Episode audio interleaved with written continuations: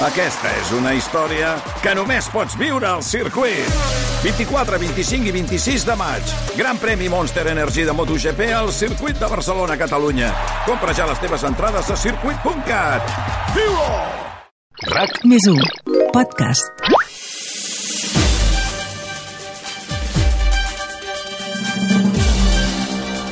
RAC més 1 us ofereix 14F amb Adrià Santa Susanna, la guia pràctica per les eleccions del 14 de febrer amb el suport de la Generalitat de Catalunya. Hola, què tal? Com esteu? A Catalunya ens hem fet un far de votar. Pràcticament cada dos anys acabem votant alguna cosa. I a Catalunya també ens hem fet un fart de fer dies històrics i de moments que d'aquí uns anys s'estudiaran segur a classe. Però encara mai encara mai havien votat enmig d'una pandèmia mundial. Que el fet de votar, al final, és el mateix. Posar un sobre amb una papereta dins una urna amb l'opció que cadascú creu que és la millor pel país. Però tot el que envolta aquest simple moviment serà diferent en aquestes eleccions. Hi juga el virus, hi juguem nosaltres, hi juga la distància de seguretat, i juguen molts factors que acabaran alterant ni que sigui una mica el que tenim entès fins ara, que és votar. Per això expliquem, fil per randa, com serà la jornada electoral i tot allò que heu de saber abans d'anar a votar. I ho fem en aquest segon episodi amb el conseller d'Exteriors i encarregat del procés electoral, Bernat Soler. Som-hi i benvinguts a 14F. Bernat Soler, conseller d'Acció Exterior, Relacions Institucionals i Transparència i encarregat del procés electoral. Hola de nou, com estem? Bé, molt bé. Conseller, com s'imagina la jornada electoral del 14F? Bé, la jornada electoral doncs, ens l'hem d'imaginar eh, no només en un dia, sinó en molts dies, tenint en compte que hem fomentat l'ús del vot per correu com a alternativa a aquest vot presencial, precisament per a reduir la interacció social. I, per tant, el vot per correu eh, aquest cop encara forma més part de la forma en què el ciutadà pot exercir el seu dret a vot. Un vot per correu que, com bé s'ha dit, eh, per una banda, doncs, i per primer cop, hem fet possible que el ciutadà pugui sol·licitar-lo de forma telemàtica a través d'un certificat digital. De fet, a dia d'avui, el 45% de les sol·licituds de vot per correu ja s'han fet eh, a través de mitjans telemàtics i, per altra banda, que el ciutadà pugui exercir el dret a vot lliurant el seu vot al mateix funcionari de correus que li porti la documentació. Per tant, més enllà del vot per correu, si eh, el que mirem és la jornada electoral, doncs hem d'imaginar mm, una jornada electoral on hi haurà unes eh, limitacions i unes mesures a prendre a nivell de distàncies, a nivell de protecció individual eh, i, per tant, en aquest sentit, doncs, demanar a la ciutadania que compleixi aquestes mesures, eh, que porti el vot preparat des de casa perquè precisament eh, la tramesa única que permetrà facilitar a tota la ciutadania totes les paperetes de vot que rebran a casa seva, doncs el que ha d'evitar és reduir al màxim el temps eh, de presència al col·legi electoral. Amb l'augment del vot per correu, pot passar com als Estats Units que el recompte s'acabi allargant en diferents dies? Mm, en tot cas, eh, el vot per correu és aquesta alternativa eh, necessària per a reduir la interacció social i, per tant, eh, les meses, en aquest cas, doncs faran l'escrutini i estiraran el temps que faci falta per a escrutar tot aquest vot per correu, tenint en compte que és una prioritat, en aquest cas, malgrat això es porti a un temps eh, més llarg a l'hora de fer l'escrutini per tal de garantir el màxim de seguretat possible als col·legis electorals. Per tant, el resultat el sabrem el mateix dia 14, eh? Sí, eh, el vot per correu doncs, es dipositarà dins a les urnes un cop finalitzada la jornada electoral i, per tant, formarà part de l'escrutini que es fa eh, quan s'acaba la jornada electoral. Una de les fotografies que tenim sempre a cada jornada electoral és la dels candidats i candidates votant i convocant a la premsa als col·legis electorals. Això s'ha de fer en aquesta ocasió de pandèmia? Nosaltres, com a govern, eh, interpel·lem a les formacions polítiques a adoptar mesures eh, responsables i, per tant, en aquest cas, el vot per correu és eh, una opció que el que fa és reduir la interacció social i, per tant, seria un bon missatge per a la ciutadania que, en aquest cas, els candidats eh, plantegessin el seu vot a través del vot per correu. Anem al moment de votar. Què hem de tenir en compte abans de sortir de casa? Doncs, en primer lloc, eh, decidir la seva hora de votació en funció de la franja recomanada en la qual eh, pertany aquella persona, sigui una persona vulnerable, sigui una persona eh, que no sigui vulnerable o sigui una persona que sigui positiva o contacte directe i, per altra banda, a través eh, de l'aplicatiu mòbil que s'habilitarà uns dies abans eh, per a la jornada electoral, específic per a aquestes eleccions, podrà eh, conèixer en tot moment eh, el, el, el, la densitat, la presència de ciutadania exercint el seu dret a vot en el col·legi que li pertoca. Per tant, podrà veure en quin moment hi ha una situació favorable eh, amb menys persones al col·legi electoral. I, per tant, eh, nosaltres eh, demanem a la ciutadania que faci aquesta consulta abans d'exercir el seu dret a vot. Per altra banda, doncs, també demanem que porti el vot preparat des de casa, tenint en compte doncs, que es farà aquesta tramesa única, i que un cop arribi al col·legi electoral, que hi vagi de la forma més àgil, més ràpida possible, i sense interacció social amb altres persones que es pugui trobar, eh, que aquest exercici de dret a vot el faci de forma individual, que no vagi acompanyada, i en el moment en què entri al col·legi electoral s'esperi fins a que li toqui el torn per a exercir el seu dret a vot i un cop entri al col·legi electoral doncs que compleixi amb totes les mesures que se li indicaran de forma gràfica. Per tant, em diu conseller que hi haurà una aplicació per poder saber quin col·legi et toca, perquè això canviarà eh, en aquesta ocasió, i també es podrà veure en temps real si el col·legi està ple o buit.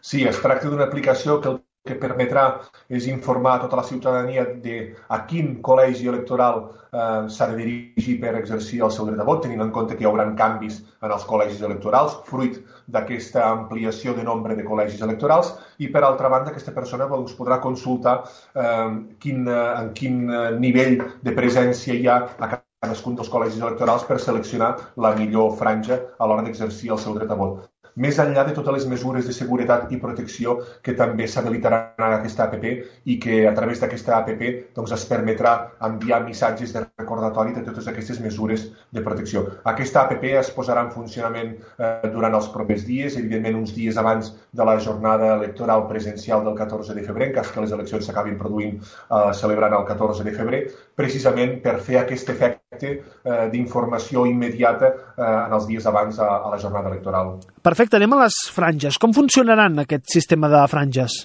Sí, eh, tal com està previst i tal eh, com hem treballat amb el Departament de Salut i tal com està consensuat amb totes les formacions polítiques a la taula de partits, eh, hi haurà una primera franja per a les persones al col·lectiu de risc. En aquest cas, el Departament de Salut ja delimita molt clarament quines són les persones eh, de col·lectiu de risc i la mateixa APP doncs, així també ho informarà.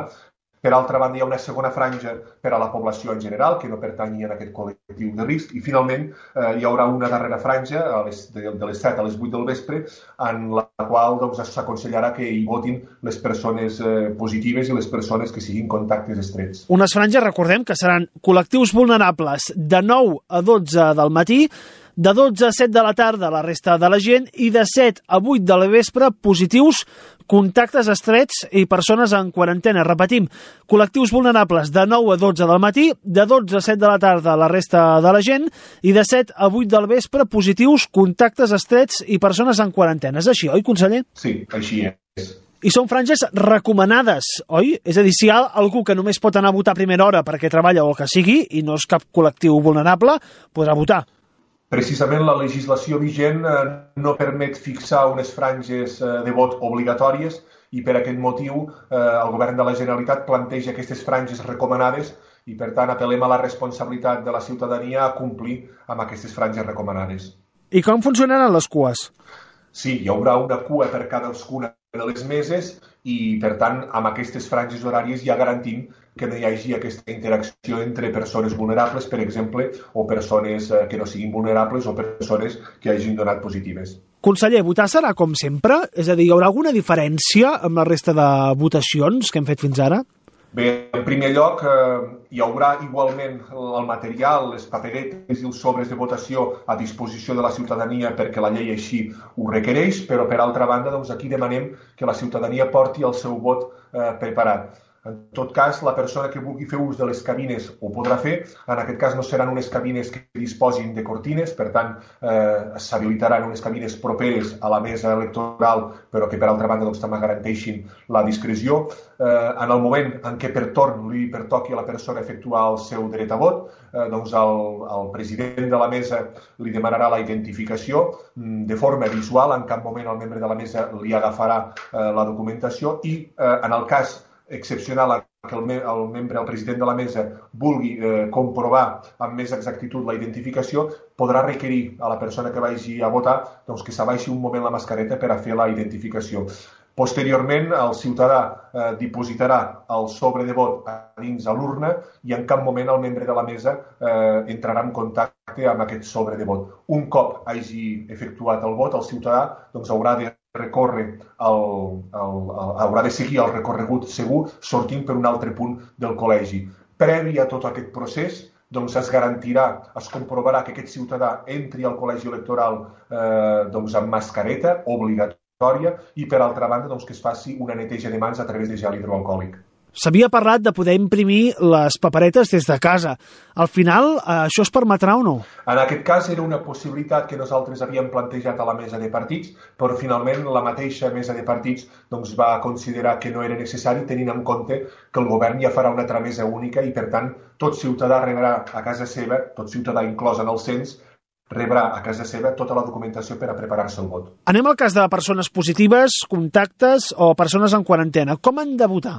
Doncs aquestes persones han de sortir de casa i anar directament al col·legi electoral, prenent totes les mesures de seguretat i un cop arribat al col·legi electoral, doncs seguir totes les instruccions que se'ls donarà. Evidentment, aquestes persones han d'efectuar el vot de forma individual, no, no, no anar acompanyades per ningú, eh, evitar qualsevol interacció social amb, amb altres persones que hi hagi al mateix eh, col·legi electoral i, per tant, un cop acabat eh, el procés de votació, doncs torna a casa seva. I serà confidencial, és a dir, ningú podrà saber si una altra persona és positiva o no, entenc. Efectivament, per un tema de protecció de dades, doncs, eh, en cap cas doncs, es podrà requerir la, la informació personal sobre si aquella persona és positiva o no és positiva, però aquí també apel·lem a la responsabilitat eh, de totes les persones, tant les que són positives eh, en utilitzar aquesta franja horària com les que no són positives a utilitzar la resta de franges horàries que s'hauran habilitat. I hauran de votar en aquesta franja de 7 a 8 del vespre, almenys és el que recomana el govern. Efectivament eh, per, un, per un eh, exercici de responsabilitat col·lectiu, nosaltres recomanem l'ús d'aquestes franges i, per tant, estem convençuts eh, que la responsabilitat de la ciutadania, com ha anat demostrant durant tots aquests mesos, eh, doncs ens portarà a una jornada electoral plenament segura. Per cert, hauran de portar algun certificat o document per anar a votar?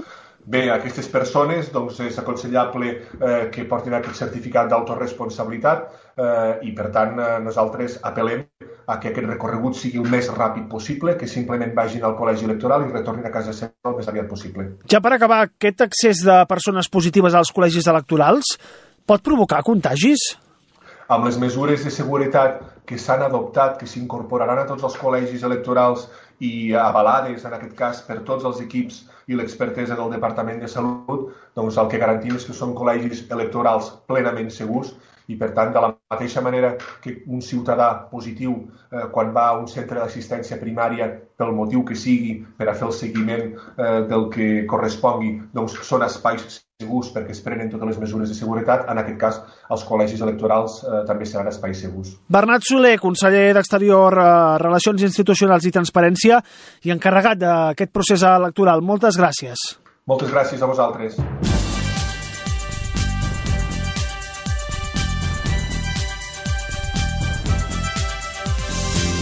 Doncs esperem que aquestes explicacions us hagin servit per aclarir els vostres dubtes i per saber què fa falta per poder votar amb seguretat.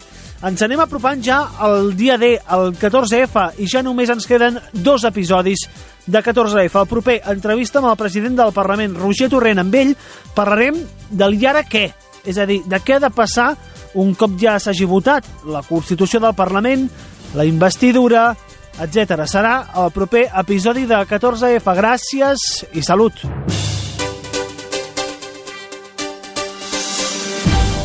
El 14 de febrer se celebren eleccions al Parlament de Catalunya. Davant la situació epidemiològica recomanem sol·licitar el vot per correu. Pots fer-ho a qualsevol oficina de correus o al web correus.es amb l'IDCAT certificat, el DNI electrònic o altres certificats reconeguts. Tens temps fins al 5 de febrer. Més informació al 012 o a parlament2021.cat. Generalitat de Catalunya. RAC més 1. Tots som Més u.